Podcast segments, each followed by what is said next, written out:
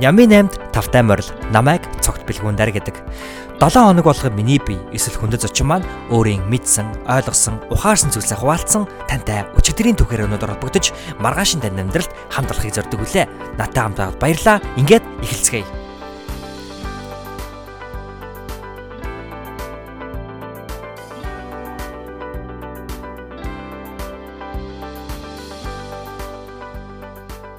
Яминан подкастын маань 21-р дугаарт инхүү тавтай морилно.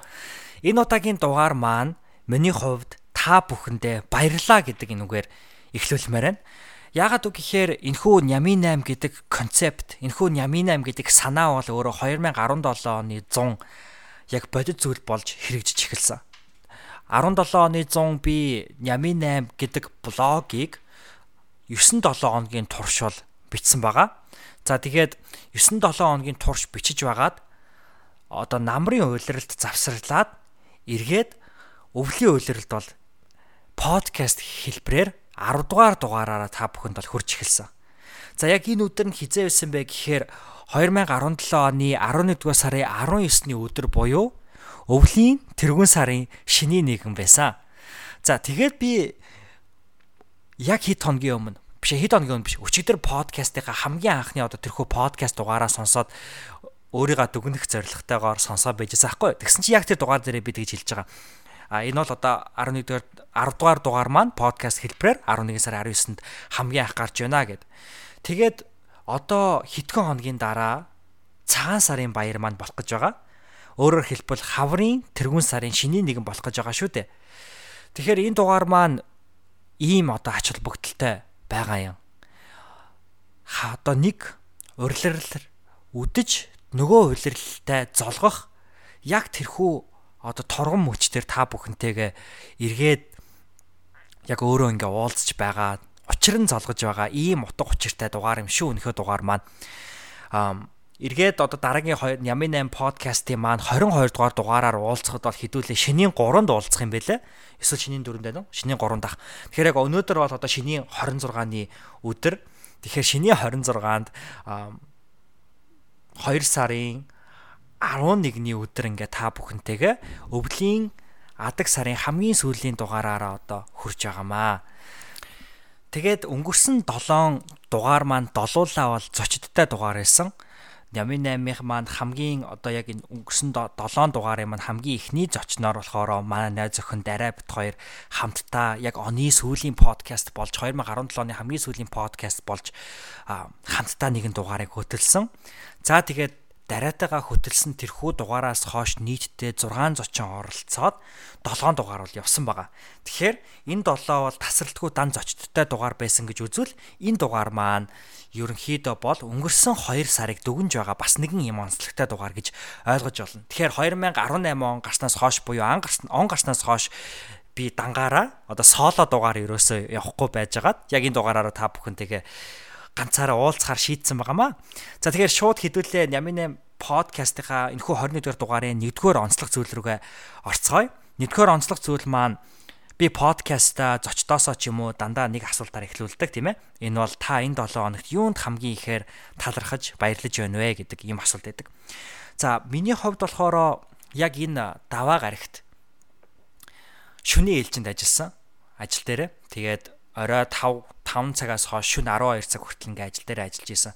Тэгээ шөний ээлж нэлээд уйдгартай байдаг л да. А гэхдээ тэр миний шөний ээлжийг бол одоо хамгийн одоо гой мэдээ хүргэсэн зүйл бол та бүхэн сайн мэдж байгаа. Манай Ямин подкаст маань iTunes буюу одоо Apple-ийн подкастуудын чартн дээр Монгол улсад бол тэргүүлсэн гэсэн тийм зүйлийг би бол олж мэдсэн. За тэгээ энэ бол би хамгийн их талархаж байгаа зүйл. Тэгэхээр яг подкастнда ч юм уу өөртөө талархаж байгаа биш. Харин одоо подкаст болсон энэхүү 11-р сарын 19-ны өдрөөс хойш тийм ээ хэдхэн сарын энэ хугацаанд өнөөдөр бол 20 мянга дахь одоо сонсогч маань подкастыг маань сонсож байгаа яг энэ өдөр.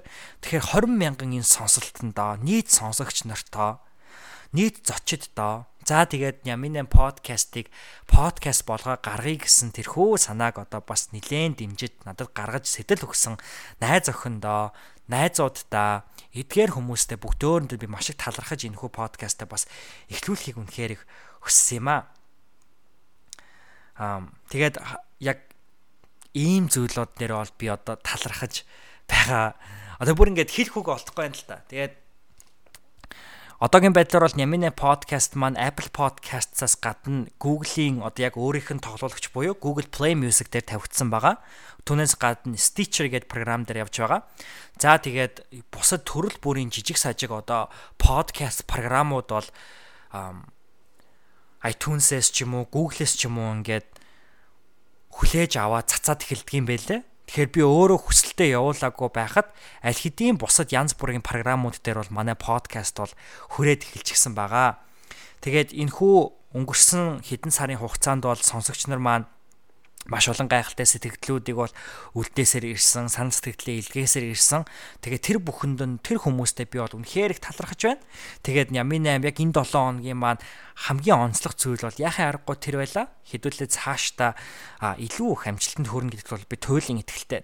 Тэгэхээр илүү их амжилтанд хүрнэ гэдэг туйлын итгэлтэй гэдэг би үг хэлж байна гэхээр энэ бол эцсийн эцэст би энэ 7 хоногт бас юг ухаарад байна гэхээр мэдээч хэрэг анх яг ингээл подкаст маань гараад эхний 7 хоногтоо нэг под дугаар маань ингээл нэг 100 хүн сонсоход л тэрнээсээ одоо кайф авдаг ч юм уу тийм ээ тэрэндээ баярлж байсан бол одоо зарим дугаарууд маань 3000 гараа 4000 дугаарт одоо сонсолт руугаа төхөж байна. Нэг дугаар маань дунджаар ер нь нэг 2000 сонслтод авдаг болсон байна. Тэгээ эдгээрийг хараад үзэхэд бол тоо гэдэг зүйл бол нэг төрлийн одоо бүх амжилтаа төвлөрүүлэх ёстой зүйл бол биш ээ. Яг энэхүү Нямин 8 подкаст гэдэг зүйл маань анх ер нь яг ямар санаан дээр үндэслсэн бэ гэхээр би өөрийнхөө 7 хоногоо сурсан мэдсэн ойлгосон зүйлсээ та бүхэнтэйгээ хуваалцаж өнөөдөр холбогдож тийм ээ танд хийгээд надад ямар төстэй зүйл байна гэдэгт одоо тэрхүү нандин холбоосон дээр холбогдож маргаашинтай амьдралд би хамтдаа алхах гэсэн ийм зорилгон дээр би болсон. Аа дараагийн нэгэн зорилго нь яагаад цочтыг урьж оролцуулж эхэлсэн бэ гэхээр би бусдын 7 хоногоос өөрөө хийгээд өөрийг өөрөө хийгээд та бүхнийг маань бусдын 7 хоногоос суралцаасаа гэж хүссэн. Тэгэхээр энэ бол бидний амжилтыг хэмжих тэр хэмжүүр нь болоо гэж би ойлгож байгаа.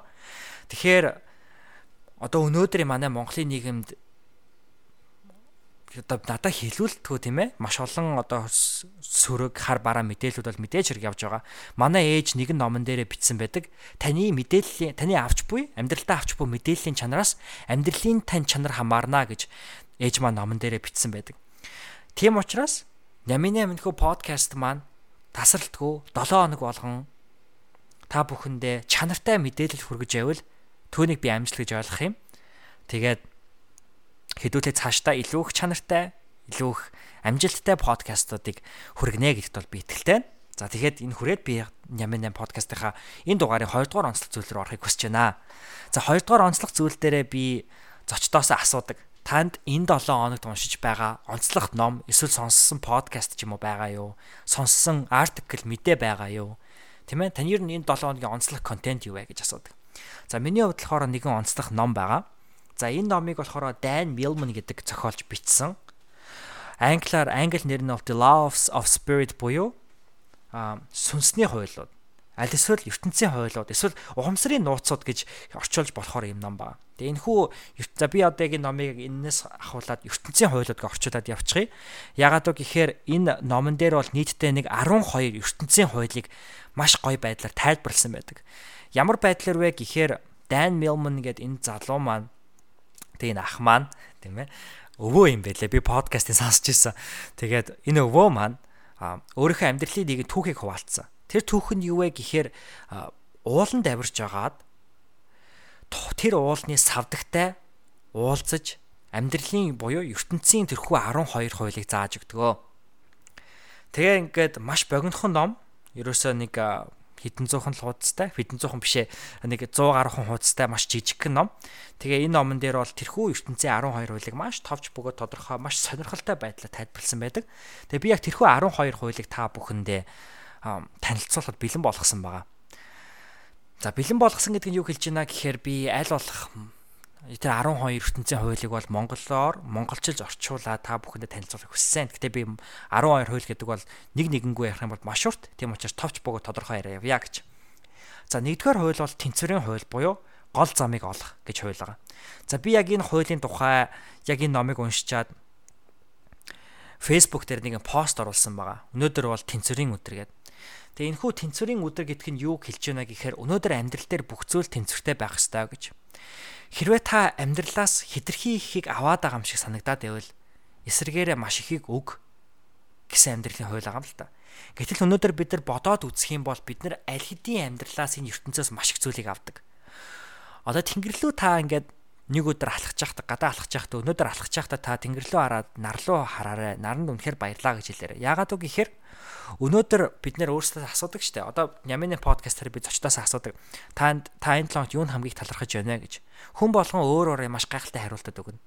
А зарим хүмүүс магадгүй ингээд бодоод би ч гэсэн өөрөө ингээд заримдаа ингээд за ингээд өнөөдөр талархаж байгаа гурван зүйлээ бичиж гэдэг юм уу тийм ээ тэр асуултыг ингээ өөрөөсөө асуухаар зарим үед аюул сонирн байдлаар ингээд гацдаг аахгүй. За би юунд талархаж байгаа вэ гэд.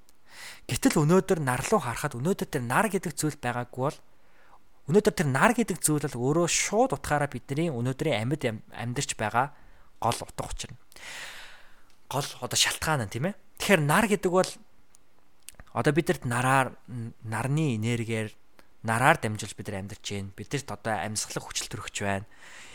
Тийм ээ. Ээж аав маань биднэрт амьдрал өгсөн Ингээ бодохоор бидэрт амьдралаас аль хэдийн маш ихийг авсан байдаг. А иймэн учраас хүн аль хэдийн нэг тал руугаа хитрхийг хазаагаад байвал таны амьдрал мухардалд орох аюултай. Тэгэхээр маш олон шашин ч юм уу тийм ээ хүмүүс заадаг штэ. Аль болох үг, бусдад үг гэж. Тэгэхээр яг энэ хүү бусдад үг гэд байгаа энэ зүйл нь эндээс гардгийн болов гэж би өөрөө мөхс би одоо хувьдаа бодоод байгаа юм л та. Тэгэхээр өнөөдөр та бусдад өгөхдөө бусдад хайр нэрлэг өгөхдөө бусдад одоо халамж хайрлахдаа бусдад юм хандивлахдаа эргээгээд энэ ертөнцөөс юу ч эргүүлж авна гэсэн тийм хүлээлтгүйгээр бусдад өгч сур гэж энэ ном маань нэгдүгээр хуулиараа зааж байгаа. Ингэснээр та амьдралдаа тэнцвэрийг олох буюу амьдралын гол замыг олж чадна гэж. Хэрвээ та хитрхи их уурлаад бухимдаад байвал нөгөө эсрэг тал руу хазах гээд үз. Таны дотор маш амар амгалан тийм цөөрөн байгаа. Тэр цөөрмийг ол тийм ээ Тэгэхээр яг амьдралынхаа та өөрөө мэдж байгаа. Та амьдралын яг ямар үнцэгт, ямар байдалд найл нэг хэсэг хитрхийг хазаагаад байна. Түүнийхээ эсрэг нь алхаад үзье гэж энэ номын маань эхний чаптерт бол хэлж байгаа. За хоёрдугаар хууль. Хоёрдугаар хуулийг болохоор сонголтын хууль гэж хэлээд байгаа. А сонголтын хууль буюу хүч чадлаа эргүүлэн авах. Өнөөдөр та амьдралын ямар ч нөхцөл байдалд амьдарч иж болно. А гэтэл тэр нөхцөл байдлыг та өөрчлөх яг одоо өөрчлөх тийм боломж байхгүй. А танд гэхдээ яг одоо шийдвэр гаргах тийм боломж байгаа. Маргаашийн тань амьдрал, ирээдүйн тань амьдрал өнөөдөр гаргасан яг одоо гаргаж буй тэрхүү шийдвэрээс нь хамаарч өөрчлөгдөнө. Хэдий та нөхцөл байдлыг яг одоо өөрчлөх боломжгүй ч гэсэндэ одоо гаргасан шийдвэр тань ирээдүйн нөхцөл байдлыг өөрчлөх боломжтой. Тийм учраас танд амьдралд амьдралынхаа бүхий л салбарт сонголт хийх тэрхүү эрхчлөөг энэ амьдрал өөрөө олгосон байдгаараа бидний амьдрал маш баялаг маш гайхалтай. Тэгэхээр сонголтоороо дамжуулж ирээдүгөө өөрчилж эргээгээ тэрхүү хүч чадлаа эргүүлэн авах л энэ номны 2 дугаар хамгийн гол санаа юм байна лээ. За 3 дугаар гол санаа юу вэ гэхээр үйл явцын хууль гэж хэлээд байгаа. За би энэ үйл явцын хуульд алхах бүртэн гიშгэж бай гэдэг нэг юм бас гарчгийг өгсөн. Тэгээд инэрлийн байна уу да. Тэг инэрлийн бүү ай гэд дуу байдаг. Тэг тэр бүү ай гэд дууны яг тахилтан дээр нь алхах бүртэн гიშгэж бай гэж дуулдаг аахгүй юу? Тэр алхах бүртээ гიშгэж бай гэдэг нь ингээд сонсоод айгүй инээдтэй мөртлөө зүгээр бодоод үзэх юм бол тэг яг надаа юу миний бодлоор юу хэлэх гээд байна гэхээр та амьдралтаа алхам авах болгондоо тэр алхам бүрээ мэдэрч тийм ээ яг тэр цаг мөчтөө амьдрал гэж хэлээд байгаа байхгүй тийм үү за тэгвэл энэ хүү одоо номын маань 3 дахь одоо яг энэ хүү зөвлөгөө маань айгүй практикл зөвлөгөө. Практикл зөвлөгөө буюу амьдралдаа яг шууд хэрэгжүүлж болох айгүй тийм шууд алхам авч болох тийм зөвлөгөө гэж би харсан. Аа том зориг бид нар өндөр тавьдаг. Ялангуяа саяхан он гараад бид нар маш олон том зорилгоодыг өмнө тавьсан байгаа. Тэгэхээр тэрхүү том зорилгыг ингээд бид нар шууд ингээд ботхоор айгүй хэцүү те. Дэлгөөнөө ихч маань ч гэсэн хэлж исэн өмнөх подкастн дээр маань өнөөдөр маш том зориг тавьчаа, том мөрөөдөл өөртөө тавьчаа түүндээ хүрч чадна гэж итгэхэд маш бэрх байдаг. Гэтэл ингээд нөгөө дэлгөөнийгч маань ханан дээрээ мөрөөдлөө бичээд ингээд наагаад түүнийгээ байн харсаар агаад тийм ээ за би ер нь ийм алхмууд авчвал энэ мөрөөдөлтөө нэг алхам ойрчих юм байна штэ гэд тэрхүү сэтлүүдийг тэрхүү сэжмүүдийг авдаг. Түүнтэй адилхан өнөөдөр бид нар том зорилгоудаа маш олон жижиг алхмуудад хуваах хэрэгтэй. За ингэснээр та одоо алхам бүрийг одоо маш том зорилгод хүрэх тэрхүү алхам бүрийг ингэж алхамчилж чадсанаар жижиглж чадсанаар та маш одоо болгоомжтойгоор хөдөлж эхэлнэ тийм үү. За болгоомжтойгоор хөдөлж эхэлнэ гэдг нь юу хэлж байна гэхээр шууд ингээл хувба хувба хувба гэд ингээд 2 3 алхам хараагаал ингээд явах биш. Зүгээр алхам алхамаар урагшлыг хийлээд байна л да. За ингэснээр танд ямар одоо үр дүнтэй вэ гэхээр та маш бүх маш бат бүх суурийг бий болгоно. Одоо ямар ч зорилгод хүрч явах хүрэх тэрхүү зорилго маань өөрөө маш бат бүх суурьтай болж өгнө. Ингэснээр таны тэрхүү хурж буй зорилго тань, бүтээж буй зүйл тань хизээч ганхахгүй болж хувирна. А энэ нь таны одоо хувь хүний хувьд танд хоёр зүйлийг өгч байгаа. Тэр нь нэгт танд төвчээрийг суулгана. Хоёрт танд та өөрийн потенциал буюу өөртөө итгэх чадвар тань нэмэгдэнэ. За, ингэж таны өөртөө итгэх потенциалтай нэмэгдснээр та одоо хатуужилтай болно. Тэгэхээр хатуужил төсөр хоёр нийлснээр өнөөдөр хүн шургуу зантай болдог гэнэ л те. Биш шаргуу зантай шоожлаарай. Тэгэхээр шаргуу зантай болохын нууц нь хатуужил төвчээр хоёрыг нийлүүлэх юм байна гэж Дайн Милман маань номондоо хэлээд байгаа юм л та. Аа бидний амьдралын аялал бол хизээч дуустдаггүй. Та нэг зориг тавиад нөгөө зоригдоо хүрсний дараа өөр нэгэн зориг бол шууд гараад ирдэг. Тэр тэр дараагийн зоригдоо хүрэхэд тань өмнөх зорилгоос ч туслах зүйл бол юу вэ гэх юм бол тэрхүү алхам дутмаа хайрлаж алхам дутмаасаа суралцаж байсан ныхаа үр дүнд танд бий болсон тэрхүү төсвөр хатуужил буюу шаргуу зан танд туслана гэж Дан Милман бол хэлээд байгаа юм байна лээ. Миний бодлоор. За дөрөв дэх онцлог зүйл маань болохоор биеэр байх хууль гэж орчуулмаар. The love of the love of presence гэж одоо англиар хэлээд байгаа юм л да. Тэгэхээр яг хоо энийг одоо утгачиж орчуулбал одоо цагт амьдрах. За цаг хугацаа гэдэг бол бидний нийгмийн парадокс буюу одоо хиймэл зүйл тийм ээ. Өнөөдөр биднэрт одоо за хэдүүлээ нэг нар жаргах үед уулзыг гэхийн оронд 12 цагт уулзъя ч гэдэг юм уу. Иймэрхүү байдлаар амьдралыг одоо амьдрал тань өгдсөн тэрхүү цаг хугацааг дотор нь хуваах бол хүмүүсийн нийгэмд одоо шаардлагатай зүйл байсан учраас тийм ээ энийг бүр ингээд том хүрээнд ярьж болно л да мэдээж хэрэг. Он сар жил жава жава гэл тийм ээ.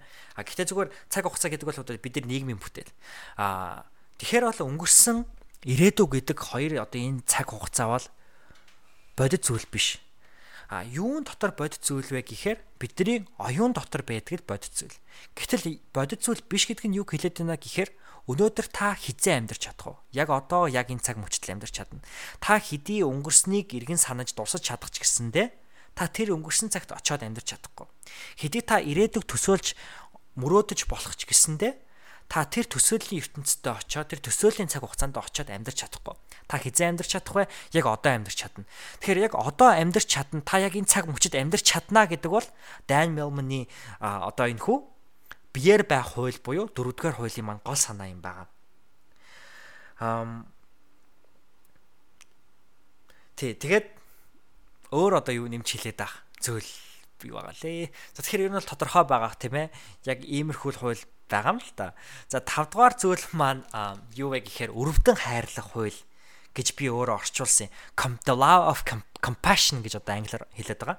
Тэгээ энийг нь би одоо утгачиж орчуулахдаа биш ээ. Манай Dan Millman маань хоёр дахь гарчгаа өгөхдөө өөрсдийн хүн чанараас сэргээх буюу өрөвдөн хайрлах хууль гэж орчуулад байгаа.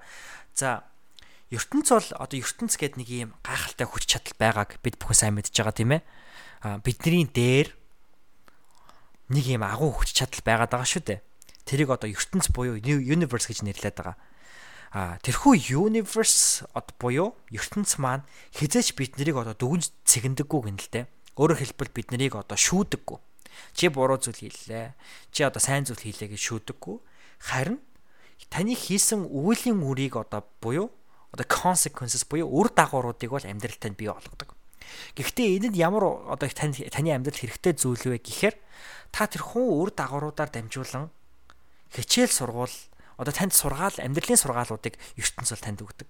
ертөнц танд нэг зүйлийг ойлгуулахын тулд өнөөдөр амьдралд янз бүрийн зүйл тохиолддог ч юм уу. ертөнц өнөөдөр танд илүү өөр боломжуудыг, илүү дээр хаалгуудыг өмнөдөө нээж өгөхийн тулд өөр нэгэн хаалгуудыг хааж өгдөг. Тэгэхээр ертөнц бол биднийг үнэнэлж дүгнж цэгнэдэггүй зөвхөн боломжууд, хичээл сургаалууд, үр дагавруудыг л өгдөг юм байна. За, иймийн учраас өрөвдөн хайрлах инэрх гэдэг бол бусдыг одоо бусад хүмүүс тэдгээр хүмүүсээр өөрсдийн чадах, өөрсдийн амьдралыг харах тэрхүү үнцгийнхөө хүрээнд өөрсдийн чадах тэрхүү хүрээндээ л хамгийн сайнаа хийж байгаа гэж итгэх итгэлийг бол инэрх буюу өрөвдөн хайрлах гэж хэлээд байгаа юм билэ. Плато нэгэнтээ хэлсэн байдаг. Та бусдад сайхан сэтгэл гаргаж бай.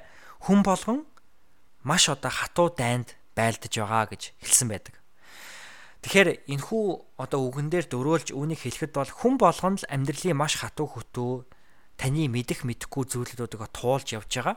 А гисэн ч тэдгээр хүмүүс бол өөрсдийнхөө чадах хүрээндээ өөрсдөө амьдралыг харах үнцгийнхаа хүрээндээ өөрийнхөө хийж чадах хамгийн сайн сайхнаа хийж байгаа. А ингэж та өөртөө итгэх хэрэгтэй. Бусдад бас итгэх хэрэгтэй та бусдаас хайр инэрл хүлээж авахын тулд юу хийх ёстой гэж одоо Dan Millman маань энэхүү номонд хэлсэн бэ гэхээр эргээгээ та өөрийгөө бас өрөвдөн хайрлаж өөртөө сайхан сэтгэлийг гаргаж өөрийгөө инэрх ёстой гэж.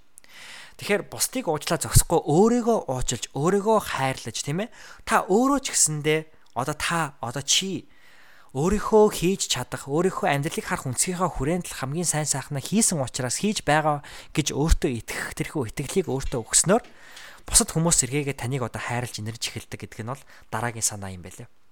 За 6 дахь санаа маань болохоор сүсэг бишрэлийн хууль буюу сүнсэнд итгэх гэж.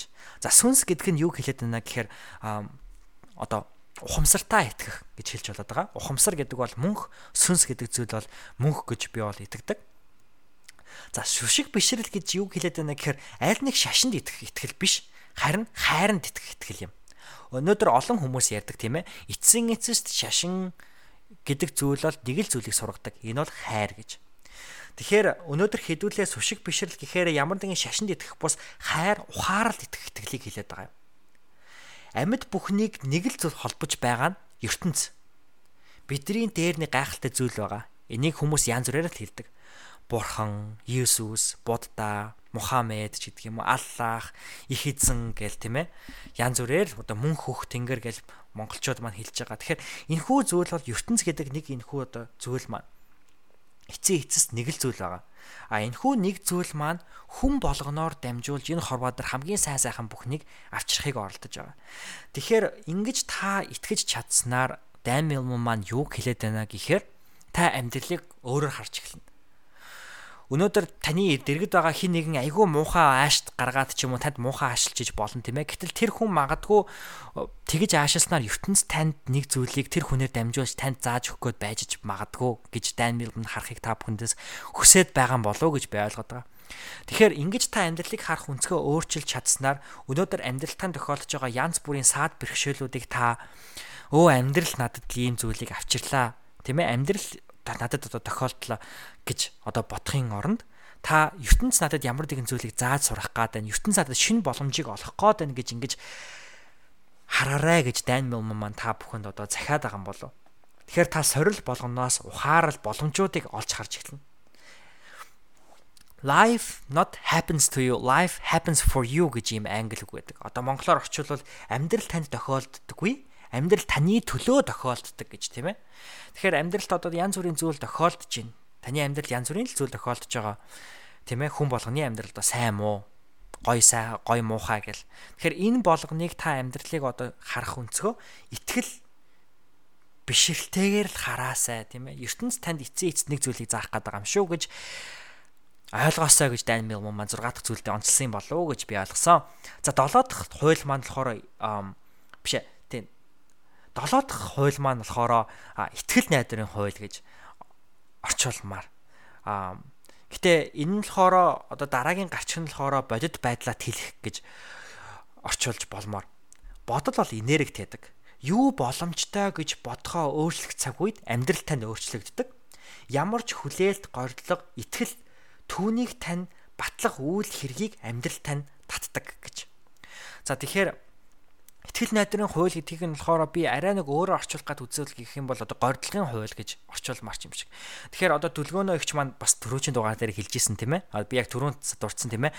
Ингээд мөрөөдлөө ингээд хан дээр бичээд наагаад түүнийга байн харсаар агаад энэ зүйд үнэхээр биелнэ мөрөөдөл маань үнэхээр бодит болно гэж ингэж итгэсэн цагт маань одоо дүлгөөний эгчийн маань мөрөөдөл энэ 100 биелэлээ олоход олох гэж байгаа гэж хэлж байсан. Тэгэхээр ингэж одоо өөртөө итгэлийг бий болгосоо таны дотор тэрхүү итгэл тийм ээ За өнөөдөр би турч чадна тийм ээ? Аль хэдийн турч чадна гэж итгээд өөрийгөө туранхайгаар олж харах тэр итгэл эсвэл би өнөөдөр баяж чадна гэд өөрийгөө аль хэдийн баяжснаар яг энэ цаг мөч та баян байгаагаар өөрийгөө мэдрэх тэрхүү итгэл өнөөдөр та өөртөө итгэлтэйгээр бусдын өмнө гарч үгээ хэлэх тэрхүү чадвартай болно гэж итгээд яг өөрийгөө аль хэдийн бусдын өмнө гараад итгэлтэйгээр үг хэлж чаддаг чадвартай болцсон байна гэж тэрхүү мэдрэх тэрхүү итгэл энэхүү итгэлүүд таны дотор бий байснаар бий болж чадсанаар өнөөдөр тэр зүйл бол таны бодит байдал болж хувирдаг.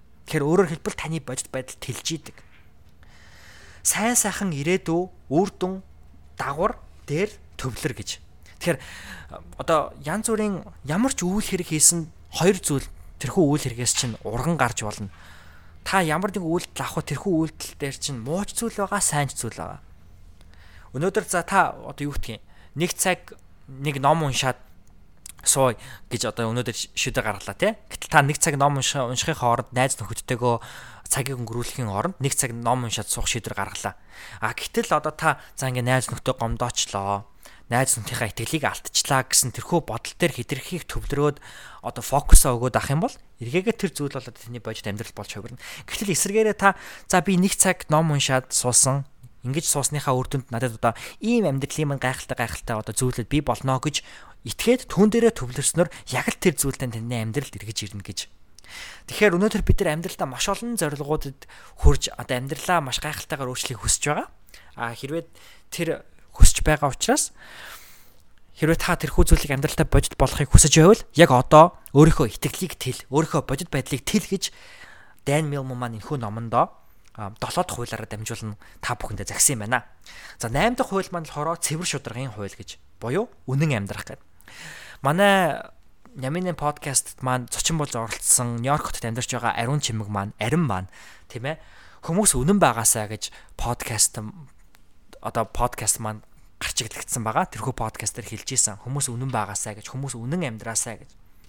Тэгэхээр өнөөдөр бид нар маш олон зэрэг сэтгэлээ даг гэж тийм ээ хүн өөрөөрөө бай гэж өнөөдөр маш олон хүмүүс та бүхэнд бид бүхэнд хэлдэг.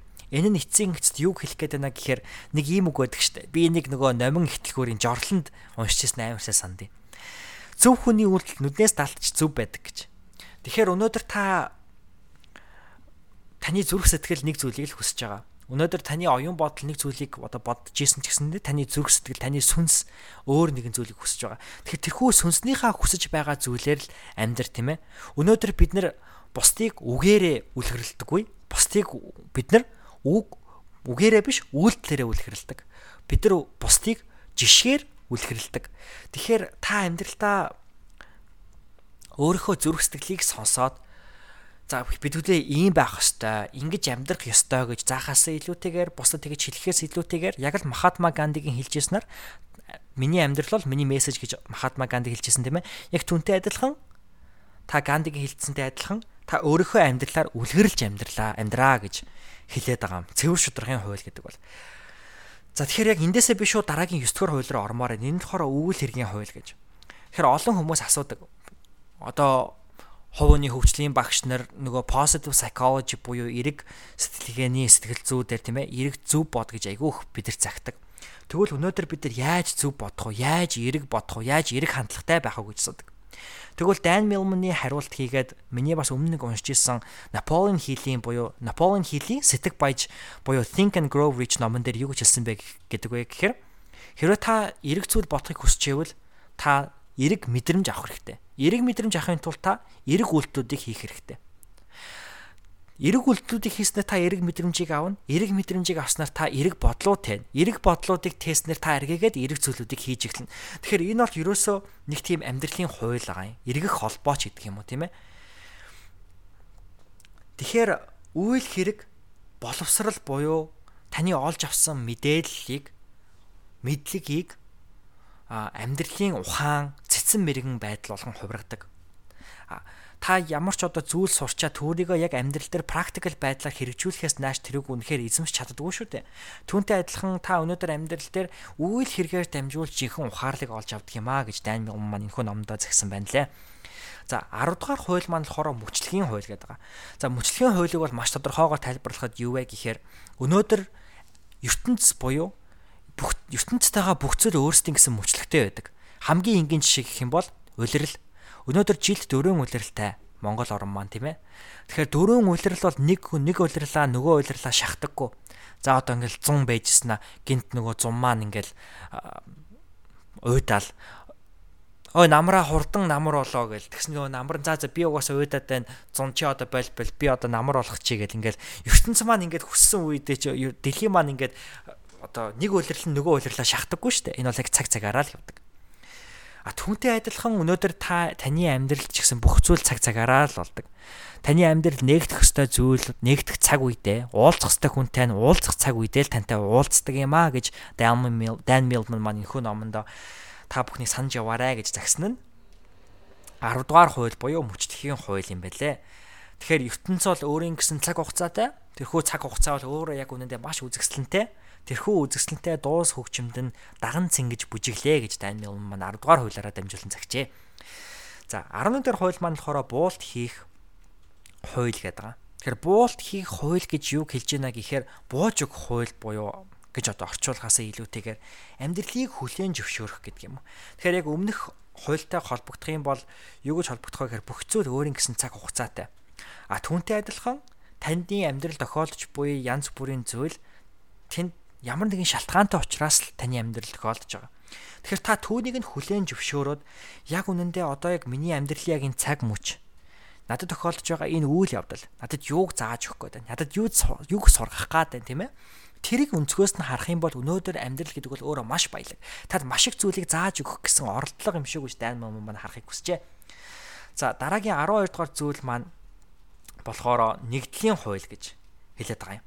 За нэгдлийн хуулийг маш тодорхойгоор хэлэх юм бол өнөөдөр дэлхий дээр байгаа хүн болгон амьд зүйл болгон эцсийн эцэст холбоотой. Та, би, бид бүгдөө нэг гэр бүл. Ингиж та амьдралыг харж эхэлснээр тийм ээ би гэдэг ойлголт яг үнэндээ энэ хорвоо дээр байхгүй маа бид гэдэг ойлголт байгаа юм байна гэж ингэж яаснаар таны амьдралыг харах үнцэд хилээ зөксөхгүй амьдралыг өдөр тутам одоо та амьдралыг approach хийх буюу амьдралтай хандах тэрхүү хандлага тань өөрчлөгдөнө. Ингэснээр таны амьдралдаа мэдэрч буй тэрхүү мэдрэмж амьдралдаа тохиолдож байгаа үйл явдлууд дагаад өөрчлөгддөг юм а гэж Dan Millman маань загчээ. За тэгэхээр энэхүү ертөнцийн 12 хуулийг Dan Millman хэн хэлсэн бэ гэхээр тэрхүү ууланд хамт явж исэн тэр савдаг маань хэлсэн юм байна лээ. Тэгээд та бүхэн маань сонирхож байгаа бол энэхүү номыг заавал олж уншаарай. Монгол хэл дээр орчуулгдан гарсан гэж би бодохгүй байна. Гэтэ англи хэл дээр нь татаж авчих ч юм уу, худалдаж авах боломжтой линкүүдийг блог дээр оруулах болно гэж. За ингээд хэдүүлээ эндээсээ Ямин подкастын маань 21 дугаарын 3 дугаар онцлог зүйл рүү орцгоё.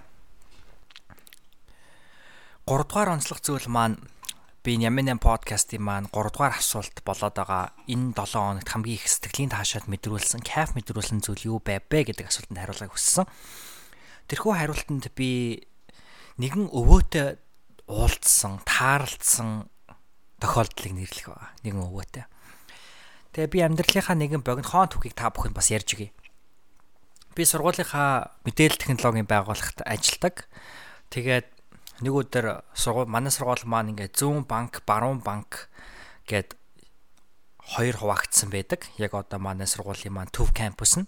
Тэгээ би баруун банкныхаа яг мэдээлэл технологийн байгууллага дээр тухайн өдрийнхаа яг зөвлөх нь хийгээд ингээд сууж исэн чинь нэг өвөө орж ирээд надаас тусламж хүссэн юм байна. Тэгээ тэр өвөө бол өөрөө 1960-аад онд манай сургуульд суралцж исэн. Тэгээ Миннесота мужид маань болохоор одоо настай хүмүүс тийм ээ тэтгэвртэй гарсан одоо сениор сениор хүн гэж тооцогддог. Одоо өндөр настай хүн маань Миннесота мужид ямар ч үн төлбөргүйгээр улсын сургуульд одоо суралцах боломжтой байдаг. Тэгээ тэр өвөө маань одоо бас яг тэрхүү хөтөлбөрт хамрагдаад сургууль дээр хичээл аваа явж байгаа байхгүй юу? Тэгээд 1960-аад онд манай Миннесотагийн их сургуульд оюутан байсан надад үнэмлэхээ харуулсан. Тэгэл үнэмлэхэн дээр айгүй гоё урт төстэй, царайлаг залуугийн зурагтай. Нөгөө зурагт бидний одоо өнөөдөр оюутны үнэлтэд харьцуулахад ингээд чээ зураг аваад хөөдийн хэвлээд ингээд ламинатартаад ингээд наацсан байгаа байхгүй. А бид нэрч болохоор зүгээр ингээд хэвлэлтэн зүйлээдэг. Ингээд шо пластик одоо кредит карт ч зүйл те. Тэгээд амар сонирхолтой. Тэгээд тэндээс нь яриа өдөөл яжсэн чинь манай өвөө National одоо Америк нэгдсэн улс NSA гэж зүйлэдэг National Security Agency гэдэг. Тэгээ тэр нь болохоор одоо бид нар сайн мэдэх FBI, CIA гэх тэдгээрээс ч том одоо intelligence байгууллага буюу одоо тагнуулын аягүй том байгууллага байдаг. Дэлхийд байгаа бүх хэлүүдээр ярьдаг хүмүүс тэнд байдаг. Дэлхийн хамгийн шилдэг математикчид, хамгийн шилдэг одоо томьёог тайлагч нар тийм ээ хамгийн өндөр IQ-тэй хүмүүс бол тэрхүү газрууд ажилладаг. Тэгээ манай хүн өөрөө тэнцээ ажилладаг байсан юм билээ. Тэгээ германаар ярьдаг, орсоор ярьдаг, тагнуул байсан. Айгүй сонирхолтой хүн. Тэгээ би ч гэсэн өөрийгөө тодорхой хэмжээгээр танилцуулаад тэгсэн чинь тэр Норман гэдэг өвөө надтай нэг тэгж жагаад өдрийн хоолнд орё гэд имэйлээ солилцсон. Тэгээд бит хоёр он гараад байна уу? Тий. Оны өмнө танилцаад он гараад нэгэн газар хоолнд орсон юм байна. Тэгээ тэр газрын болохоор Anis Parlor гэдэг нэг юм бүргэрийн газар байгаа байхгүй юу? Тэгээ тэр бүргэрийн газар болохоор 1968 онд нэгдэжсэн. Тэгээ бит хоёр 2018 онд тэр газарт ингээ ороод суугаа юм ярьж байгаа байхгүй. Тэгээ тэр өвөө болохоор 68 онд өөрөө залуу байхдаа тийм ээ яг Вьетнамын дайм болж явах тэрхүү үед яг тэр одоо ресторан 50 жилийн өмнө ороод сууж исэн тэр газартаа 50 жилийн дараа ингээд надтай хамт ингээ хоол идээ сууж исэн тийм ээ хагас цууны дараа айгуу сонирхолтой үзэгдэл. Хамгийн тэрнээс илүү сонирхолтой үзэгдэл нь юу вэ гэхээр яг энэ одоо семестр манай нормны авж байгаа норм өвөөгийн маань авж байгаа нэг юм хичээл байгаа. Орсын түүхийн хичээл. А тэрхүү Орсын түүхийн хичээлийг нь яг дүнгэж одоо сургуулаа төгсчөөд профессор болоод манай Миннесотагийн их сургуульд профессор болоод хичээлээ зааж эхэлж исэн нэгэн багш дээр бол авч исэн. Тэгэхээр өөрөө бас тэрхүү багш маань өөрөө нэг 30 таа ч юм уу 40 таа ч юм уу залуу багш байсан ба. А тэрхүү багш дээр одоо 60-аад онд манай норм маань хичээл авч исэн бол энэ семестр тэр багш дээр дахиад хичээл авсан байна одоо бүхэл бүтэн хагас цооны дараа нөгөө багштайгаа эргээд уулзж байгаа байхгүй. Тэгээ Америкт одоо профессор хүмүүс болохоор хизээ төтөртэй гарахаа өөрсдөө шийдэж болдог. Өөрсдөө одоо за баг эртээ хүн ч гэсэн хичээл заагаад явчих болдог их сургууль. Тэгээд норм хэлж байгаа байхгүй. Хагас цооны дараа эргээгээд нөгөө багштайгаа уулзаад ингээ юм яриад суусан гэж. Тэгээ ингээ хичээлд нь ороод. Тэгээ хичээлд нь ороод та намайг таньж гинөө би 50 жилийн өмнө 50 жилийн өмнө таны хичээлд суугаад Вьетнамын дайны үед одоо энэ дайны буруу зөвийг тантай маргалдаад тийм ээ дебейт хийх буюу одоо маргалдаад мэтгэлцээд байж исэн. Байна гэсэн чинь багш нь таньсан гэсэн. Тэгээ багш нь нөгөө нэг өөрийнхөө оффистоо манай норм нэг ураад хоёр хөгшин өвгөн. 50 жилийн дараа багш шавын барилдлагатай тэр хоёр хөгшин өвөө.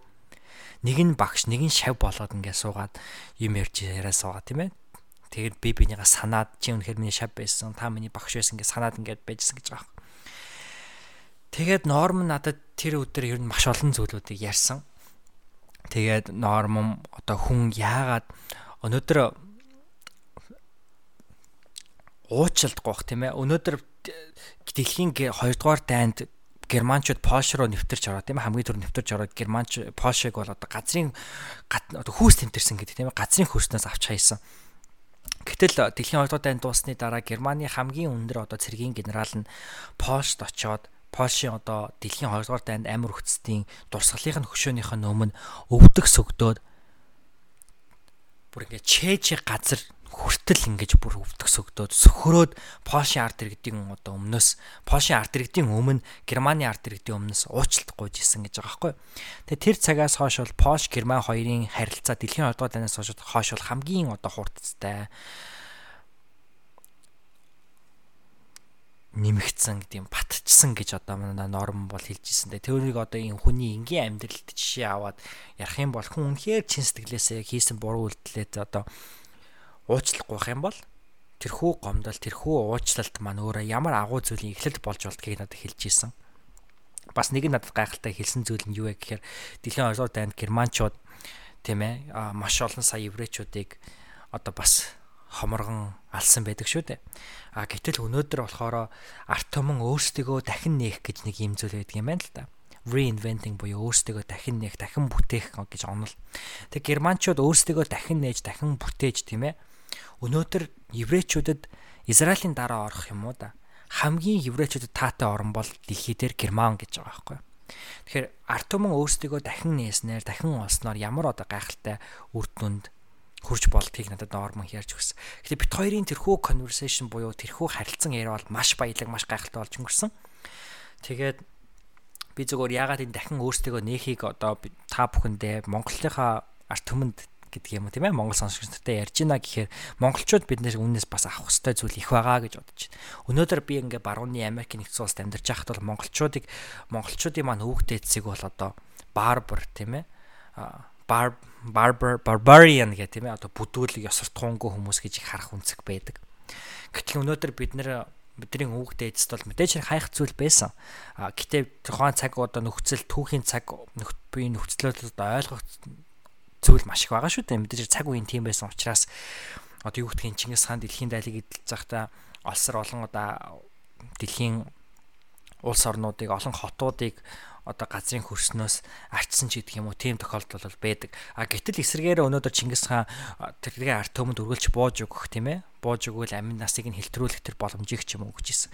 А мөн одоо эзэн хааны маань их эзэн Чингис хааны маань байгуулсан их Монгол улсын бүрэлдэхүүнд байсан тэрхээр одоо арт төмнүүд үндэснүүд л яг үүндээ маш их одоо баян цадгалан айх аюулгүй амьдарч ийсэн. Бүр хар дахлаас хүртэл ингэж зугтах боломжтой болж исэн гэд ингээд олон зүйл яадаг. Тэгэхээр бидний өвгдөж бол авах зүйл нь маш их гээхээс илүү тэгээ. Тэгэхээр тэрхүү авах зүйлийг нь бид нар өнөөдөр өнгөрсөн түүхээсээ суралцаад аваад өөрсдөө дахин нээх тийм ээ.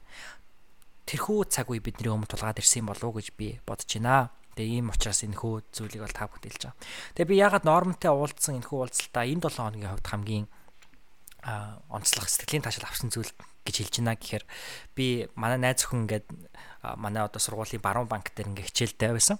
Тэгээ би ингээ найз өхнөд харах үед ингээ ангийнхан нүд ингээ хүлээх гээд очсон чинь яг манай найз өхний хичээл тараад нормны хичээл ордог байгаа байхгүй. Тэгээ яг найз өхнөө хүлээж авах хоорондоо нормтой ингээд яриад сууж ирсэн. Тэгээ манай норм манай найз өхнийг хараад өмнө нь бас нэг удаа уулзж ирсэн. Өнөөдөр чи ямар хүзгсэлэнтэй харагдаж байна гэл манай найз тэгж байгаа байхгүй өвөө штэ одоо 80 удахгүй 80 хүрэх гэж байгаа өвөө тийм ээ. Тэр өвөө бол ингээ айгүй залуулах сэтгэлгээтэй. Тэгээд надад болохоор бас нэг зүйл хэлж ирсэн манай Монголын танай Монголын арт түмэн дэлхийн хамгийн хоёр том гүрний дунд байгаа мөртлөө өнөөдрийг хүртэл тусгаар тогтнолоо хадгалаад ингээ явж байгаа юм хэрэг гайхалтай. Тэгээд танай арт түмэнд бас чин сэтгэлийн баяр хүргэе гэж ингээ надад хэлж ирсэн. Тэгээд би яагаад ингэж энийг хэлж байна гэхээр тэр өвөөгөөс тэрхүү ирж байгаа тэрхүү сургаал тэрхүү гарч байгаа тэр мэдрэмж энэ бүхэн бол надад айгүй дотно. Тэгээ би түүнээс бол маш их сэтгэлийн таашаал авсан. Тэгээ би бас тэр өвөөтэй уулзсан тэрхүү уулзалтаа өчүүхэн эсгийг нь болов. Та бүхэнд энэ ч ярьж документ хийж баяжуулж баримтжуулж авахыг бол хүссэн байнамаа За энэ хүрээд хэдүүлээ. 88 подкастын маань дөрөвдүгээр онцлог зүйл рүү шууд оръё гэж би бодож байна. Тэгээ дөрөвдүгээр онцлог зүйл дээрээ би зүгээр дөрөвдүгээр асуулт маань ийм байдаг. Энэ 7 хоног таны онцлог зуршилтыг юу байсан бэ гэж. Тэгээ манай сэхэтэн төсөлгөө явж байхад ахуулаад одоо хүртэл сонсож байгаа нэгэн сонсогч маань байдаг. Анандошка гэдэг ам Ананд гэдэг Ананд Анди гэдэг одоо Facebook нэртэй ах. Тэгээд Ананд маань надаас юу гэж суужсэн бэхээр өөрөө чинь хэрэгэлдэг одоо аппуудаа хэлж өгөөч гэж хэлжсэн. Тэгээ би тэрхүү асуултыг авчаад хариулт хэлхээгөө аягүй хуудсан. Тэгээд би энэ 7 хоногийн асуултанд хариулахдаа Угаасаа гар утас тийм ээ энэхүү гар утас гэдэг энэхүү хэрэглүүр бол бидний амьдрал тодорхой маш их одоо чухал үүргийг гүйцэтгэж байгаа. Тэгэхээр энэхүү одоо гар утас ч юм уу компьютер ч юм уу энэхүү цахилгаан хэрэгсэлээр хэрэгжилж байгаа програмууд бол бидний амьдралын дадал зуршил болсон байдаг. Тэгэхээр миний амьдралын дадал зуршилт одоо хэрэг болдог програмууд юу вэ гэдгийг би та бүхэндээ товч өгөө тодорхой хэлхийг хүслээ.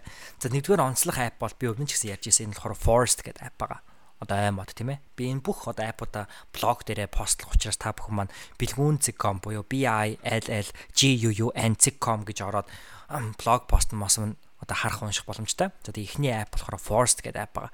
Forest гэдэг app маань юу гэх юм бол цаг төвлөрөлтөнд чухал хэрэгтэй байдаг. Тэгэхээр би Pomodoro техник гэж та бүхэн маань олон сонсч ийсэн байж магадгүй. Pomodoro техник гэдэг нь юу вэ гэх юм бол өнөөдөр ингээд за энгийн жишээ аваад илий та өнөөдөр маргааш шалгалттай ч юм уу. За маргааш гэрийн даалгавартай байх хэвээр. Гэрийн даалгавартай, гэрийн даалгавар хураалгах хэвээр. Тэгээ өнөөдөр та төвлөрөх хэрэгтэй. Гэрийн даалгавар дуусгахын тулд. За төвлөрөх хамгийн одоо гайхалтай техникүүдийн нэг нь юу гэх юм бол Pomodoro техник гэж байдаг. Pomodoro техник гэдэг нь болохоор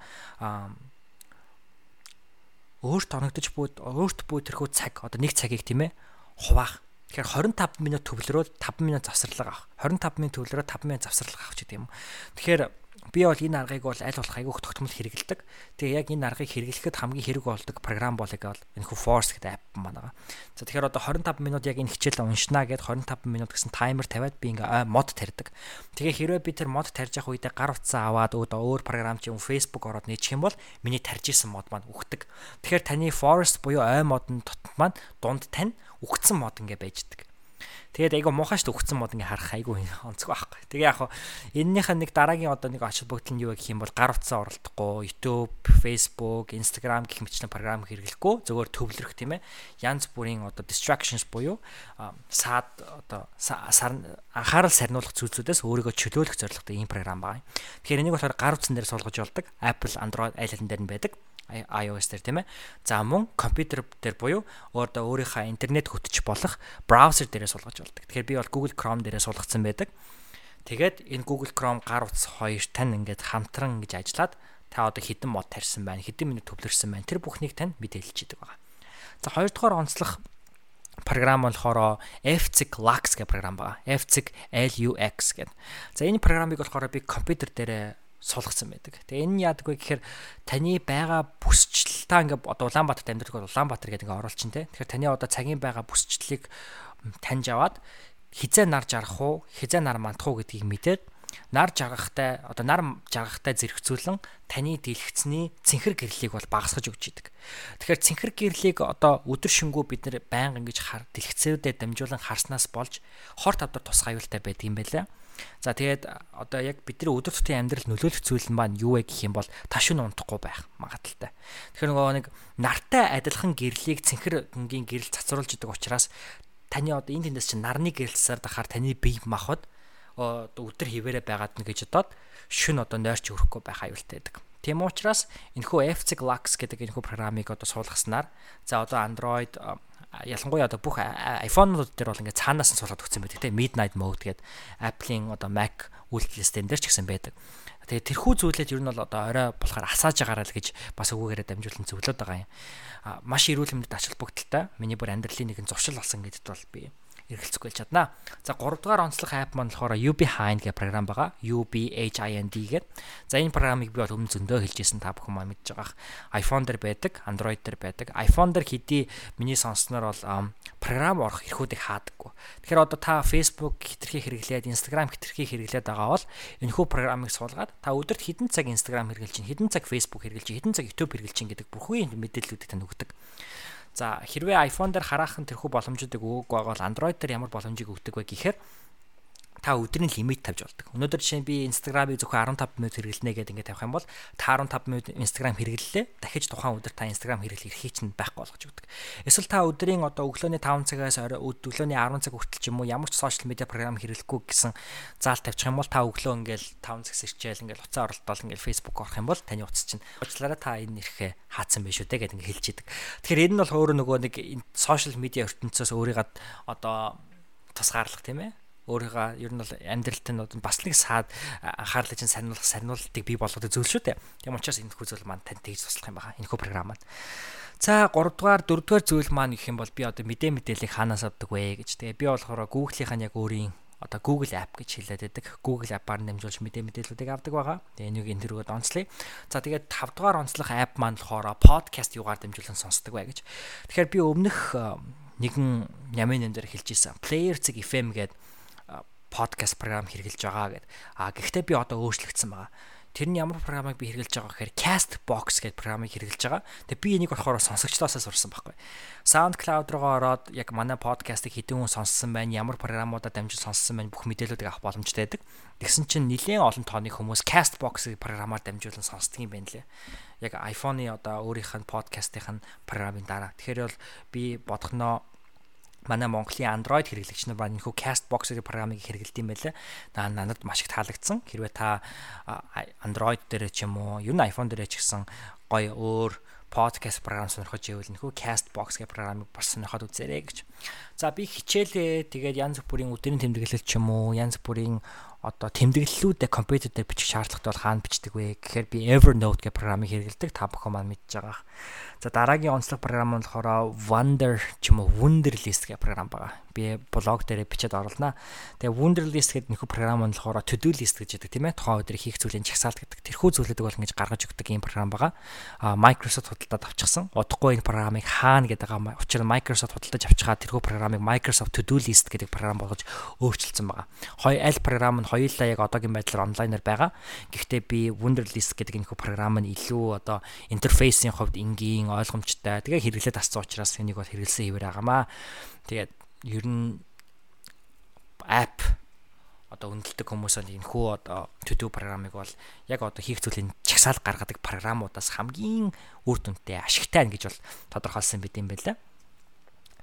За дараагийн нэгэн програм бол би энийг яга онцлог хүссэн бэ гэхээр өнөөдөр бид нар амьдралдаа календар хөтлөх бол асар их ач холбогдолтой. Миний ховны хөгжлийн багш нарын нэг одоо хийсэр ментор Тим Феррис маань хэлж исэн. Аа шинэ он гарахад бол одоо шинэ оны зорилгоо төлөвлөгөөнүүдийг боловсруулдаггүй харин өнгөрсөн оноо сөхөж хардаг аа гэж. Тэгээ яагаад вэ гэхээр өнгөрсөн оноо яагаад хардаг вэ гэхээр өнгөрсөн онд таны одоо хийсэн нийт одоо хийсэн зүйлүүдийн аль 20% танд илүү их хааж жаргалыг илүү их одоо амьдралдаа сэтгэл хангалуун байдлыг ч юм уу өгсөн бэ гэж асуудаг. Тэгээд ингээд календар руугаа ингээд ороод календар дээр бүх хийсэнүүдээр нь бичсэн байдаг. Өөрөөр хэлбэл бүх саруудаа бүх 7 хоног төлөвлөлдөг. Тэгээд ингэснээрээ та одоо өөрөө нэг төрлийн өөрийнхөө түүхийг архивыг бий болгоод байгаа байхгүй. Тэгэхээр би Google календарыг хэрэглэдэг байнга. Тэгээ Google календар та бүхэндээс хэрэглэхийг уриалж байгаа. Ер нь ямар нэгэн календар хэрэглэхийг. Тэгээ ашиг нь юу гэх юм бол эргээд та одоо нэг сар одоо шинэ сар гараад тийм ээ. Одоо цагаан сар болж гин цагаан сар болж байгаа юм чи өнгөр эргээд календар руугаа хараад за би өнгөрсөн нэг хэдэн сарын хугацаанд ийм юм зүйл хийсэн байна. Энэ өглөөний уулзалтанд явхад надад ийм амьдралтай ашигтай байсан даа ч гэдэг юм. Иймэрхүү байдлаар үнэлж өгнөхөд бол календар асар их хэрэг болдог. За тэгээ календарын бусад одоо өөр зөндөө ашигтай талууд байгаа. Тэгээд тэдгээрийг одоо бүгднгийн нэг дор ярих боломжтой байх гэж бодоод хэдүүлээ 88 подкастынхаа энэ дугаарын 5 дугаар онцлог зүйлрүү орё. 5 дугаар онцлог зүйл маань болохоор энэ 7 хоног тань хэн хамгийн их нөлөөг үзүүлвэ гэдэг асуулт байдаг. Тэгээ би энэ асуултанд юу гэж хариулахыг хүсэж байна гэхээр миний хийсвэр менторуудын нэг болох Lewis Howes The School of Greatness гэх подкаст хийдэг.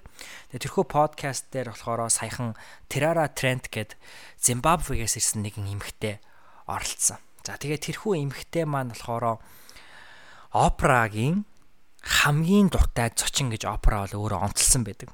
Тэгээ яагаад вэ гэхээр Зимбабве бол өөрөө Терараг одоо төрөх үед бол дөнгөж тусгаар тогтнож исэн байгаа байхгүй 1965 онд одоо төрөх үед бол дөнгөж тусгаар тогтноо тусгаар тогтнолоо олоо олсон гэж байгааг өөрөө хөөхт байх үед нь Тэгээд тусгаар тогтнолоо олчоо Зимбабвед нэгэн цагаан эмхтэй ирсэн. Тэгээд тэрхүү цагаан эмхтэй Терара гэдэг одоо энэ хүү эмхтэй маань би боловсрал эзэмшихийг хүсэж байна. Би Америкт очиж бакалаврын диплом авмаар байна. Магистрийн диплом авмаар байна. Тэгээ доктор болмоор байна гэж тэр цагаан эмэгтэйд хэлжсэн гэсэн. Тэгээ тэр нөгөө нэг сайн сайхан сэтгэлийн одоо тэр сайн сэтгэлийн аянаар ирсэн тэр цагаан эмэгтэй тэрараад юу гэж хэлсэн бэ гэхээр хэрвээ чи үнэхээр итгэж чадвал болохгүй юм байхгүй гэж хэлсэн юм билээ. Тэрараад. Тэгээ тэрараа ээждээ тэр цагаан эмэгтэй ингэж хэлсэн гэсэн чинь ээж нь охиндоо нэг зүйлийг загсан хідэн үеэрээ энэхүү ядуу явж байгаа энэ холбоос энэ мөчлөгийг чи таслах ёстой. Тийм учраас мөрөөдлөө бичээд газарт булаад тэр мөрөөдлөө бол биелнэ гэдэгт нь итгэ гэж тэрараад загсан. Тэгээд тэраараа өөрийнхөө мөрөөдлийг бичээд газарт булсан. Тэрхүү болсон таван мөрөөдөл нь юу байсан бэ гэхээр нэгт Америк нэгдсэн улсад очих, хоёрт бакалаврын диплом эзэмших, гуравт магистрийн диплом эзэмших, дөрөвт доктор болох, тавд эргээгээд одоо Зимбабве тийм ээ дэлхийн даяар байгаа тэрхүү олон сая ялангуяа боловсрал эзэмсэж байх чадахгүй байгаа тэрхүү олон сая эмэгтэйчүүдэд итгэл найдар өгөх гэдэг нь Терарагийн таван том зорилго байсан. Терара Америк нэгдсэн улс руу явахдаа өөрийнхөө өөрийг нь жоохон багтан заяа 11 настай байхад нь тухайн одоо орныхоо ёс уламжлалаас болоод өөрөөсөө хит ахынтай одоо гэрэлсэн. Тэгээ тэрээрээ одоо жоохон хүүхэд байхдаа Америк руу хүүхэд байхдаа насан туршиг байхдаа гурван хүүхдээ ээж болж исэн гэж санаж байна. Тэгээ Америк нэгдсэн улс руу явах тэрхүү боломж нь олдсон үед бол өөрөө таван хүүхдийн ээж болсон байсан. Тэгээ Америк нэгдсэн улсад өөрийнхөө тэр нөгөө өөрийг нь зоддог, хүчирхийлдэг тэр нөхрийн хамт таван хүүхдэд дагуулад Америк нэгдсэн улс руу очсон байдаг. Нөхөр нь ажил хийдэг байсан. Тэрээрээ боловсролынхаа сургуульд явж боловсрол эзэмшихийнхаа хажуугаар олон ажил нэгэн зэрэг хийж хүүхдүүдэд хооллох тэрхүү үргийг өөрийнхөө нуруур дээр ганцаараа хүлээж исэн. Тэрээрээ тэгээ нэг өдөр сургууль дээр очиод гуйжилтээ. би ингээд хүүхдүүдтэй би ямар ч аргаар байсан хамаагүй боловсрал эзэмшнэ. Би гэтээ хүүхдүүдэд тэжээхэд надаа үнэхээр хэцүү байна. Надад туслаач гэж сургуулаасаа гуйс. Сургуулийн захиргаан тэрэнд нэг ийм тэраарад нэг ийм боломж оо санал болгосон. Өнөөдөр Америкт айгүй их хоо дэлгүүрүүд хоол хүнснийхээ хог хаягдлыг ингэж гаргаж хайдаг аа одоо хугацаанд дууссан хоолод. Чи очиод тэднийг магадгүй авч болохыг гуугаад үзье гэж. Тэгээ тэраараа нэг хүнсний дэлгүүр дээр очиод гуйжлтай менежертэй нь уулзаад би ингээд олон хүүхэд тижээдэг, таван хүүхэдтэй манай хүүхдүүд ингээд идэх хоолгүй байна, хоол өгөөч гэнэ. Тэгсэн чинь дэлгүүрийн тэр менежер нь би чамд хоол өгмөр л байна. Гэхдээ ингээд чамд одоо хугацаанд дууссан хоол өгчих юм бол тэгээ тэр хоолноос л чиний бие чинь муудчих юм бол чи манай байгууллагыг манай дэлгүүрийг шүүхт өгчүүл яах юм бэ гэж тэр хараад хэлсэн. Тэр хараа хариуд нь уйлаад би та нарт шүүхт өгөхгүй надад шүүхт өгөх тэр мөнгөж байхгүй гэж гуйсан. Тэгээ тэр дэлгүүрийн сайхан сэтгэлтэй хүн нь хэлсэн л байгаа юм л та би ингээд дэлгүүрийнхаа хүмүүст хэлээд хугацаанд дууссан тэр жимс жимсхэн хоол хүнсээ тусад нь ингээ хайрцанд хийлгүүлээд дэлгүүрийн хогийн сааны дэргээ тавьчихъя. Чи 4 цагаас өмнө ирж тэр хайрцгийг авахгүй бол тэр хайрцагтай хоолыг чинь хогийн сав руу хийчдэг юм а гэсэн байна. Тэгээ тэраараа ингээд зөвшөөрөөд хүлэн зөвшөөрсөн. Тэгээ тэраараа ингээд дараа нь олон юу ажилтай ингээд мэдээж хэрэг ингээд хичээлдээ явна, ажлуудаа хийн, тэгээд ингэсээр хагаад өглөө 4 цаг чүүчаа яг тэр нөгөө тэр хөвдөр очдөг байсан гинэ. Шөнийн ээлжинд ажиллаад. Тэгээд дандаа ингэж хоцорд ирдэг, хоцор хоцорж ирдэг байсан. Тэгсэн чинь нөгөө хоол хүнсийг нь дандаа ингээ хогийн савар ингээ асгачдаг. Угаасаа тэр нөгөө хуулийн тийм учраас тэр тухайн нөхцөл байдал тийм байсан учраас тэгээд тэрээрээ нөгөө хогийн саврууч нь ингээд ороод хогийн савнаас чинь бүх жимснүүдийг нь түүгээд гэртээ авчираад ингээ бүгднийг угаагаад хүүхдүүдтэй өгдөг байсан гинэ. Тэгээд тэрээрээ өөрөө Льюис Хаустай өгж байгаа тэр ярилцлага дээр хэлсэн байхгүй. Надад үнэхээр хэцүү байсан ч гэсэндээ. Үнэхээр одоо тийм халтар жимс тийм ээ угаагаад идж байгаа ч гэсэндээ би өнөөдөр халтар жимс угаагаад идж гинэ гэж гомдлох хин юм бэ? Өнөөдөр Африкт зөндөө олон хүүхдүүд идэх хоолг багт. Өнөөдөр би одоо гэр оронгүй тийм ээ сайхан одоо тухтай гэр оронд амьдрахгүй байгаа ч гэсэндээ өнөөдөр Америкт хүртэл янз бүрийн одоо гэр оронгүй хүмүүс байна. Гэтэл тэрээрээ болохоор өөрөө нэг тийм халуун хүүтэн байхгүй зүгээр нэг тийм амбар шиг зүйл дээр амьдарч байсан гэж байгаа байхгүй. Тэгэхээр тэр амбар нь өөрсөнд нь одоо амьдрах тэр орчныг нь бий болгож ирсэн. Тэгэхээр өөрөө тэр Америк нэгдсэн улсад гэр оронгүй дээгүүрээ борооцноос хамгаалах дээвэргүй хүмүүс амьдарч байгаа тэрээрээ өөрөө тийм дээвэртэй газар байсан учраас би өнөөдөр гомдлох хин юм бэ гэж өөрөөсөө асуудаг байсан гэдэг жаахгүй. Тэгээ опрагийн нэвтрүүлэгтээ тэрээрээ оролцсон байдаг опрагийн продюсер, опрагийн нэвтрүүлгийн зураглаач нартай хамт Зимбабве руу очиж яг тэр газараасаа өөрийнхөө бичсэн тэр хүсэл мөрөөдлийн захиаг гаргаж ирээд тэр захаа мөрөөдлөө ингээд опрад уншиж байгаа нэвтрүүлэг байдаг. Та бүхэн тэрийг заавал үзээрэй. Тэгээ би яагаад энийг яг энэхүү Терарагийн түүхийг та бүхэнд айгүйх онцлж байна гэхээр Терара өөрөө Льюис Хаустай өгчсэн ярилцлаган дээр хэлсэн байхгүй. Би ritual буюу зан үйлийн ач холбогдолд маш их итгэдэг гэж. Тэгэхээр одоо монголчууд маань дараа 7 хоногт цагаан сар буюу сар шинийн баяраа тэмдэглэн тийм үү. Монголын цагаан сар одоо сар шинийн баяр гэдэг бол асар их зан үйлтэй баяр. Би хэдийгээр Америк нэгдсэн улс байгаа ч гэсэндээ жил болгон цагаан сар болоод ирэхээр ягаад ч юм цаанаасаа Монгол дийлээ өмсөөд нар мандах үедээ зэрэгцээд газар дэлхийдээ сүү өргөх аяг өх дуртай. Түүнийхээ ачаар ч гэсэндээ тодорхой хэмжээгээр сайн явж байгаа гэж би итгэдэг. Тэргээрээ би юу хэлэх гээд байна гэхээр зан үйл гэдэг бол асар чухал зүйлээ гэж. Тэгээ тэраараа өөр хэлж байгаа байхгүй. Өнөөдөр бид нар дэлхий дээр төрдөг. Өнөөдөр бид нар нас урахад эргээгээд дэлхий рүүгээ ороод нас урдаг. Тийм ээ. Өнөөдөр энэ хүү газар дэлхийн шороо энэ байгаль ээж гэдэг бол бидэртэй салшгүй холбоотой. Тийм ч утгаараа тэрхүү мөрөөдлөө бичээд газарт булсан нь магадгүй байгаль их дэлхийн түүний араас харж исэн болов гэж тэраараа ярилцсан дээр хэлсэн байсан нь яг энэ цаг үе мөчөд надад айгүй утга учиртай санагдсан байхгүй. Тэгээ би яг энэгээр юу хэлэх гээд нэхэр та нар одоо мөрөөдлөө бичээд газарт булаа гэж хэлээг. Зүгээр бидний одоо уламжлал цагаан сарын энэ баяр бол асар их ёс уламжлалтай, зан үйлтэй баяр.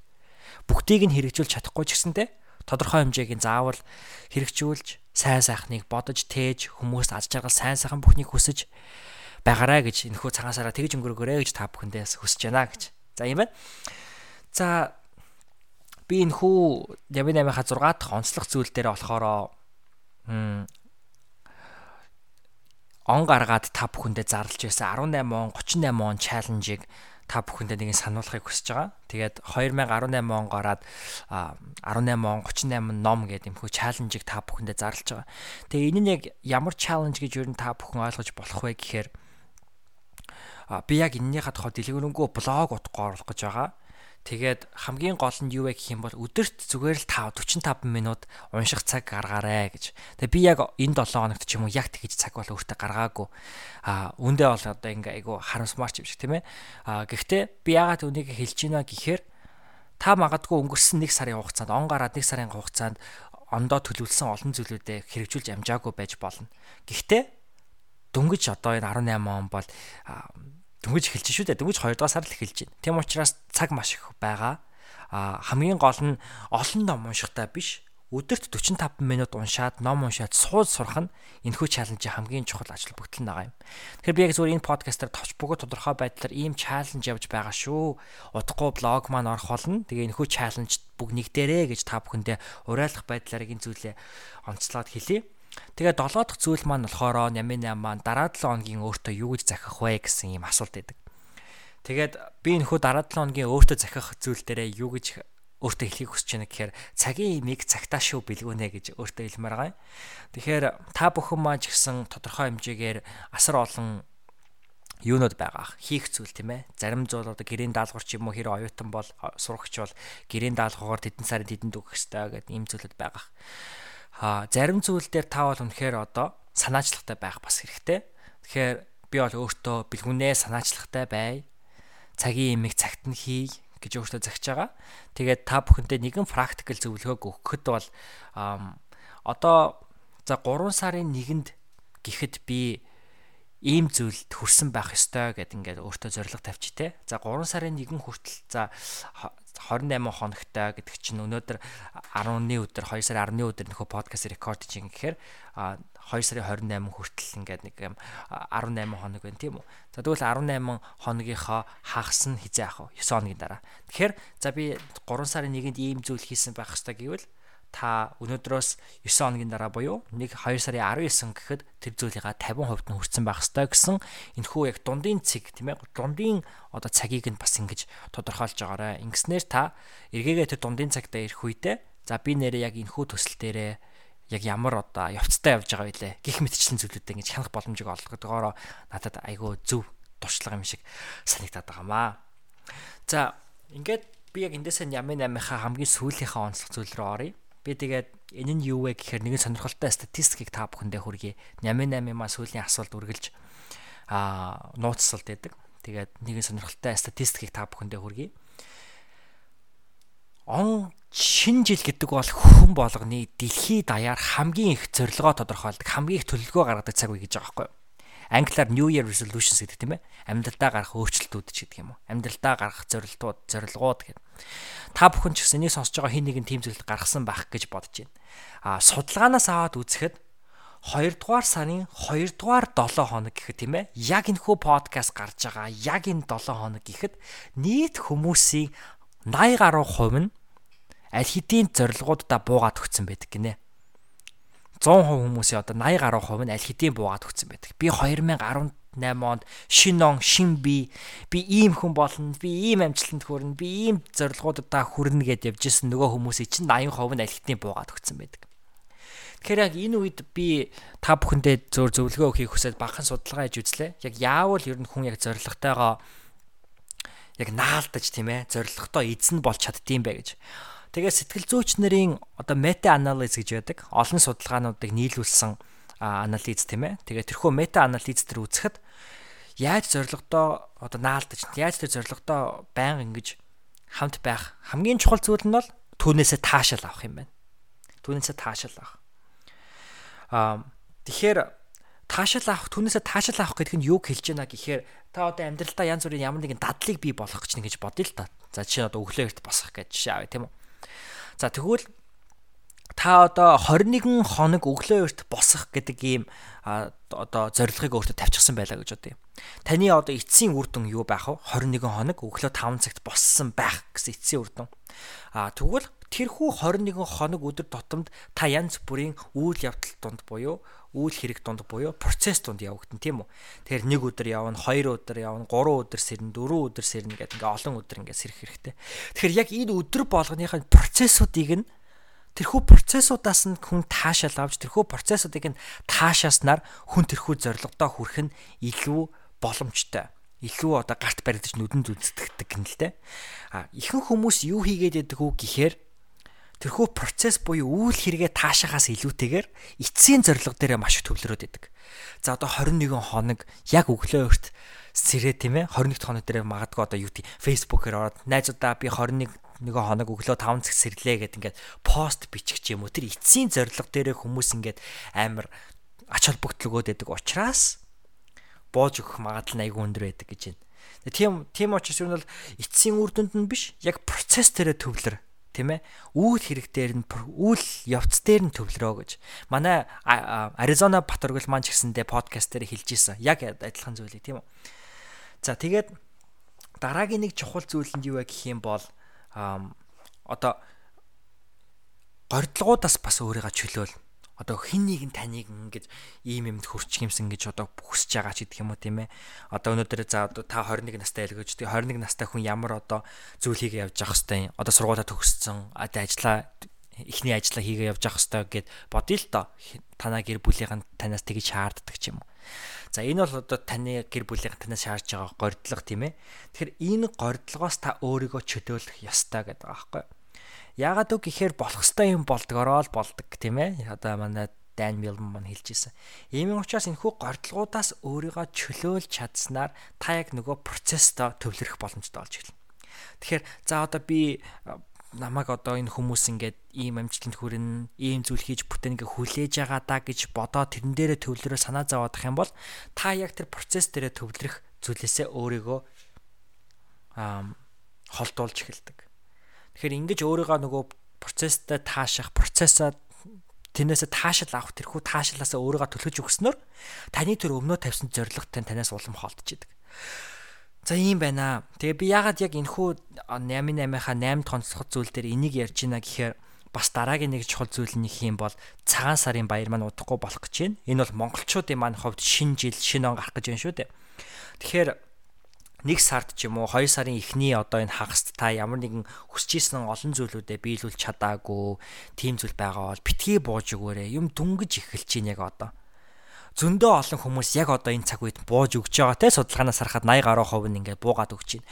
Тэгвэл та яг энэ үед нь бууж өгөхгүй зүтгэх юм бол та бусдаас цойрж гарах тэрхүү боломж нь тань байна шүү гэж би та бүхэндээ бас сануулгыг хүссэн юм байна. Тэгээд цагаан сар энэ гайхалтай баяраар дамжуул. Шин сар тийм ээ? Шин он. Яг энэ хүү баяр дээрээ та амьдралтаа юу хүсэж байна тийм ээ? Тэрхүү зүйлүүдэд бодоорой. Би тэгээ энэ ганцхан зүйл нэмээд энэ хүү дугаараа өндөрлүүлэхийг хүсэж байна. Тэгээ юу вэ гэхээр цагаан сараар бид нар маш олон хүслүүдээ бид сарнд шимдэг ч юм уу тийм зан үйл үлддэг тийм аа Тэгээ би энэ хүү одоо хүслүүдээ сарн шивнэхдээ нэг зүйлийг өөртөө байнга сануулаасаа гэж хүсэж байна. Тэр нь юу вэ гэх юм бол сарнаас хүслээ гоож явахдаа ч юм уу. Ер нь амьдралд би бодож явахдаа бити одоо би өвчин тусаасаа гэж бодохын оронд би ирүүл байгаасаа. А би одоо үр өртөө хүмүүс өртөө зарлагтай бити байгаас гэж бодохын оронд би баян тансаг байгаасаа гэж одоо хүснэ. Одоо тэгж хүсдэг ч юм уу тийм ээ. Өөрөөр хэлбэл ийм юм битгий болоосаа, ийм юм битгий надад тохиолдоосаа гэж ингэж муу дээр нь төвлөрч хүсэж гуйхын оронд сайн дээр нь төвлөрч бодох хэрэгтэй гэж л хэлэх гээд байгаа. Тэгэхээр түрүүний яг энэ хөө 88 подкастын маягийн дугаар дээр хэлсэн одоо юун дээр төвлөрн тийм ээ тэрхүү зүйл нь энерги дагуулдаг гэж. Тэгэхээр ертөнц бол бидний одоо монгол хэл дээр ч юм уу англи хэлээр ч юм уу ойлгохгүй ертөнц гэдэг энэ зүйл бол бид бүхний сэтгэлийн тэрхүү мэдрэмжээр бид бүхнийг ойлгодог учраас мэдрэмж тань өөрөө эрүүлэнх аз жаргал баян тансаг байдал юу гэдгийг тэр бүхнийг мэдэрч авах хэрэгтэй. Харин эсэргээрээ одоо өвчин зовлон тэр бүхтэй хол байгаас гэж та бодож байгаа хийсэнд яг тэгж одоо хэлж бодож байгаа ч гэсэндээ нөгөөтэйгөр та яг тэрхүү мэдрэмжийг өөртөө бий болгодог учраас тэгж гэж битгий өөр дээрээ одоо төвлөлт бодлыг бий болгоорой гэж та бүхэндээ сануулъя. Тэгж одоо уриалъя гэж. За тэгээ энэ хүрээд манай Ямине подкастын маань 21 дугаар өндөрлөж байна.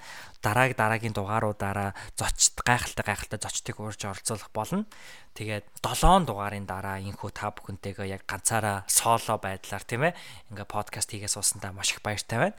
Тэгээд Ямине подкаст маань iTunes-ийн Монгол дахь iTunes-ийн чартн дээр хамгийн топ подкаст болж энэ 7 хоногт бол өсөрсөн байгаа. За магадгүй одоо ингээ харах юм бол хоёрт ч орсон байж магадгүй. Ягаад гэхээр манай одоо хамгийн хоёр дахь шилдэг өрсөлдөгч маань Unlock гэж подкаст байгаа. Тэгээ Unlock бол мэдээж эргээ хараагүй маш гайхалтай подкаст гэдэг хинч марахгүй баг. Гэтэ эцсийн эцдхийн 1 2 дугаар байр 3 дугаар байран дээр байна гэдэг нь чухал биш. Би нэвтрүүлгийнхаа гэнт хэлж ийсэн. Зөв мессежийг зөв хүмүүсээр дамжуулж одоо мэдээллийн тань чанар өндөр байгаасай тэрхүү өндөр байгаасай гэсэн хүсэлтэд тулгуурлаж өндөр мэдээллийн та бүхэндээ хүргэж чадчихвэл тэр бол миний зорилго билж байна л гэсэн үг манай подкаст юм байна. Тэгээд тийм байна. Надтай хамт байсан та бүхэндээ баярлалаа. Ингээд хэдүүлээ цагаан сарын дараа буюу эрх жилэргээд олццгаая. Баярлалаа. Баяр таа.